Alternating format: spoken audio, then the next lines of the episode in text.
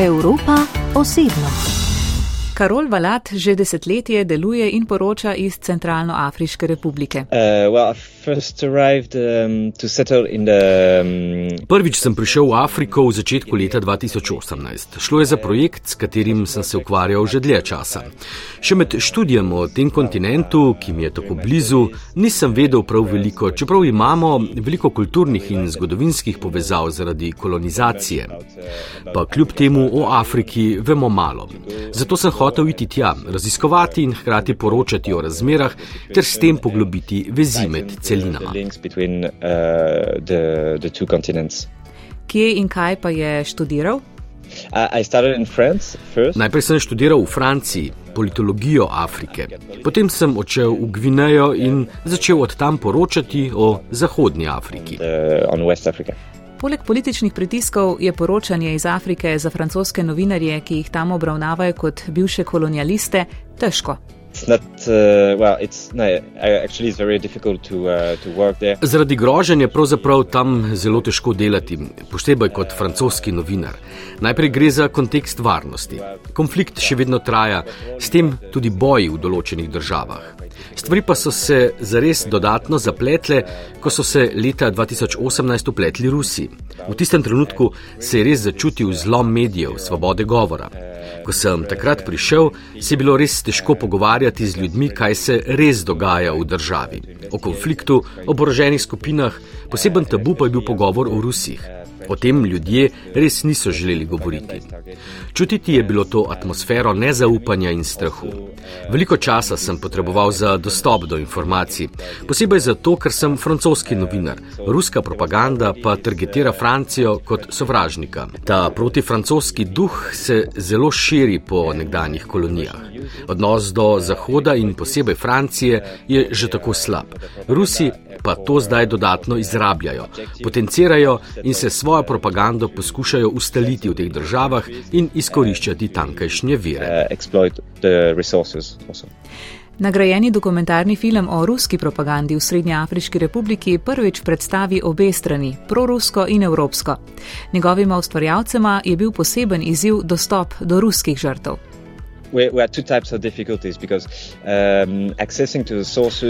Dve vrsti težav sta. Dostopanje do verov, ki so ruske žrtve, je bilo težko. Skrivajo se in nočejo govoriti. To je bila res naša prva skrb, da ljudi, ki so govorili, zaščitimo. Da res poskrbimo, da bodo anonimni in da jih nihče ne bo prepoznal. Po drugi strani pa je bilo tudi s proruskimi sogovorniki govoriti zelo težko. Kot francoza so me dojemali kot sovražnika. Veliko časa sem porabil, pa še to nama je uspelo uspelo le zato, ker sva že leto in pol živela v državi. Sva pa morala pripričati sogovornike, da ne delava za Francijo, ampak da sva neodvisna novinarja da je to torej priložnost, da se sliši tudi njihov glas. Skratka, biti francos je bila uvera, hkrati pa sva vseeno lahko delala stvari, ki jih lokalni novinari niso mogli. Če bi se stvari zapletle, bi z evropskimi dokumenti sedla na letalo in odšla. Tam nimava svojih družin, s tem je bilo tveganje manjše.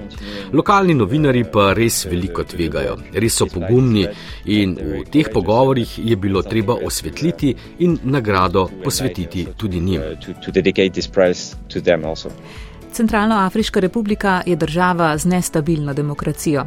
Zaradi tega je kot neke vrste laboratorij za prorusko propagando skupine Wagner, ki jo želi razširiti še v druge nestabilne afriške demokracije. Uh, Kar najbolj izstopa je, da gre za zelo, zelo revno državo, eno najrevnejših na svetu. Življenje je res težko, celo za prišleke, ker pač skoraj ni elektrike in pitne vode. Nasploh je infrastruktura slaba, skoraj ni cest. Ko so prišli Rusi in vzpostavili svoj propagandni sistem, si res lahko dodatno začutil zmanjšanje osnovnih svoboščin, recimo svobode govora. To atmosfero dodatno spodbuja dejstvo, da jih lahko vidiš povsod po ulicah prestolnice Bangui. Hodijo z maskami, oboroženi. Ne moreš se niti pogovarjati o njihovi prisotnosti, ker te vlada takoj obtoži delovanja proti Centralnoafriški republiki. Nekako nama je vseeno uspelo poročati o razmerah, trajalo je, ampak uspelo je. Ob zmanjševanju osnovnih svoboščin, kot je svoboda govora ter ostalih pritiskih in nasilju, pa meni, da njegovo delo dopisnika, družine, ki jo ima v Franciji, vseeno ne ogroža.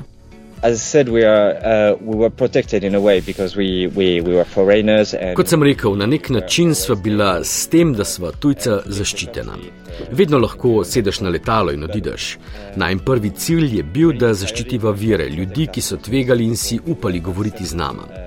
Kar se tiče osebne, telesne varnosti in ogroženosti, to je nekaj, na kar se navadiš. Po najboljših močeh se trudiš zavarovati svoje bivališče, telefon, elektronsko pošto, izogibaš se mestom, kjer bi lahko prišlo do incidentov. Vedno imaš s sabo sredstva za zaščito, predvsem pa poskrbiš za ustrezno varnostno zaščito.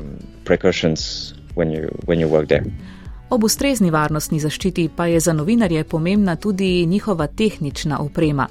Kaj mora imeti dopisnik iz Afrike vedno sabo? Technical gear, uh, recording gear and uh, tehnično opremo, snemalno opremo in ostalo. Vedno moraš imeti pripravljeno rezervno opremo, podvojeno, od kablov do kamere in predvsem polnilcev ter akumulatorjev. Teh moraš imeti še več. Predvsem v Centralnoafriški republiki obstajajo regije, kjer sploh ni elektrike. Tam uporabljaš svoje mini solarne panele in s tem polniš baterije. Potem pa je zelo pomemben del opreme tudi zaščita proti komarjem, najbolj nevarne živali v Afriki, zaradi malarije pa potem seveda škorni različni telefoni, ker je komunikacija lahko kar izziv in potem se prilagajaš vsakokratnim razmeram. Rezervna oprema in prilagajanje razmeram. Ampak, a se je v vseh teh letih kdaj srečeval tudi s kakšnimi posebnimi težavami pri delu? Uh, seveda, najtežje od vsega je bilo dobiti zaupanje ljudi, ki so delali z Rusi. Z njimi sva se srečevala veliko krat, po več ur. Pili smo pivo in res poskušali vzpostaviti zaupanje. To je bil izziv. Življenje novinarja Karola Valada je sicer razpeto med Francijo in Afriko. Zadnjih pet let sem preživel na afriški celini. Kot dopisnik iz tujine vedno živim v krajih, odkudar poročam. Ne grem zgolj začasno tja, ampak tam zares živim. To je tudi edini način, da razumeš kulturo, da razumeš politiko, način razmišljanja ljudi. Na ta način dobiš najboljše zgodbe, najbolj točne zgodbe. Sploh za Afriko je to še toliko bolj pomembno, ker o njej obstaja toliko stereotipov. Kot dopisnik poskušam s svojim delom ljudem dati kar se da točne podatke. Uh,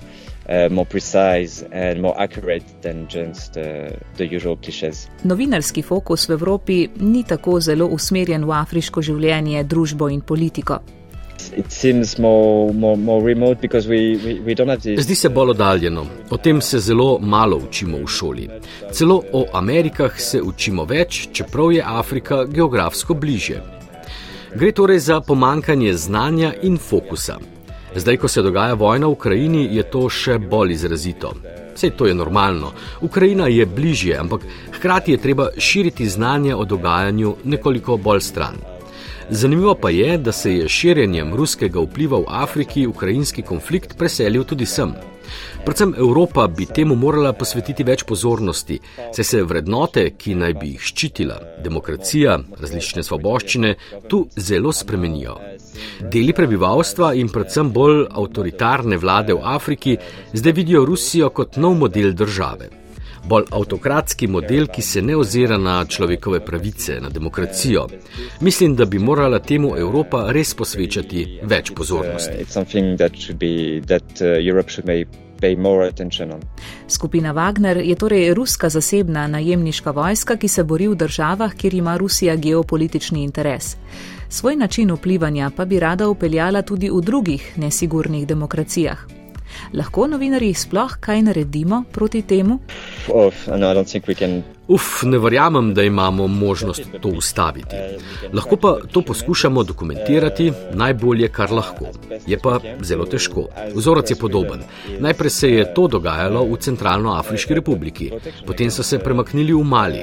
Obakrat so najprej pritisnili na novinarje. Večina francoskih dopisnikov je morala oditi, izgnali so jih. Torej, če je svoboda medijev zaščitena pred avtoritarci, potem je logično, da je to njihova prva tarča.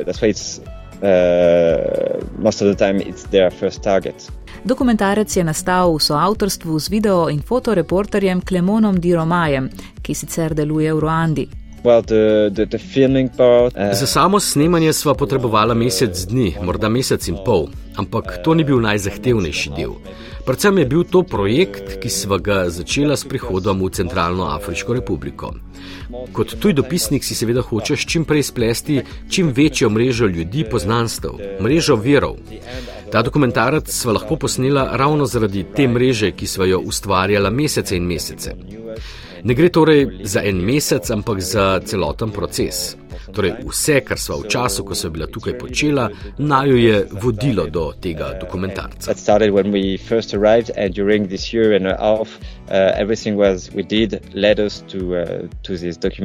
Nagrada Dafne Kuarana Galicija je ime dobila po malteški protikorupcijski raziskovalni novinarki, ki je bila leta 2017 ubita v napadu z avtomobilsko bombo.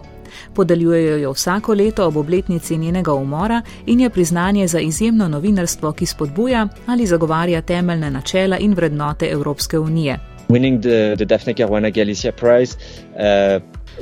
Nagrada Dafne Caruana Galicija je res naredila spremembo, saj je bil to najmanj prvi dokumentarec. Bila sva seveda vesela, hkrati pa sva čutila tudi dodatno odgovornost. Že samo ime Dafne Caruana Galicija pomeni veliko. Takoj sva se spomnila na vse novinarje, kolege, ki so izgubili življenje med svojim delom. Nagrada je torej zaveza, da nadaljujemo delo.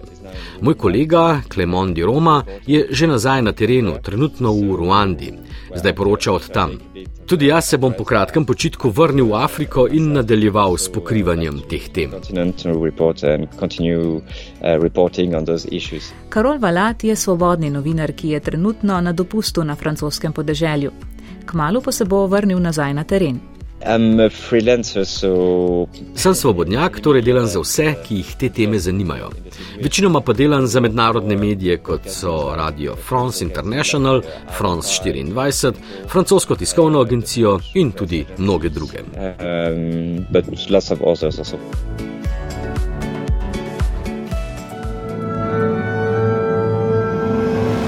Evropa osebno.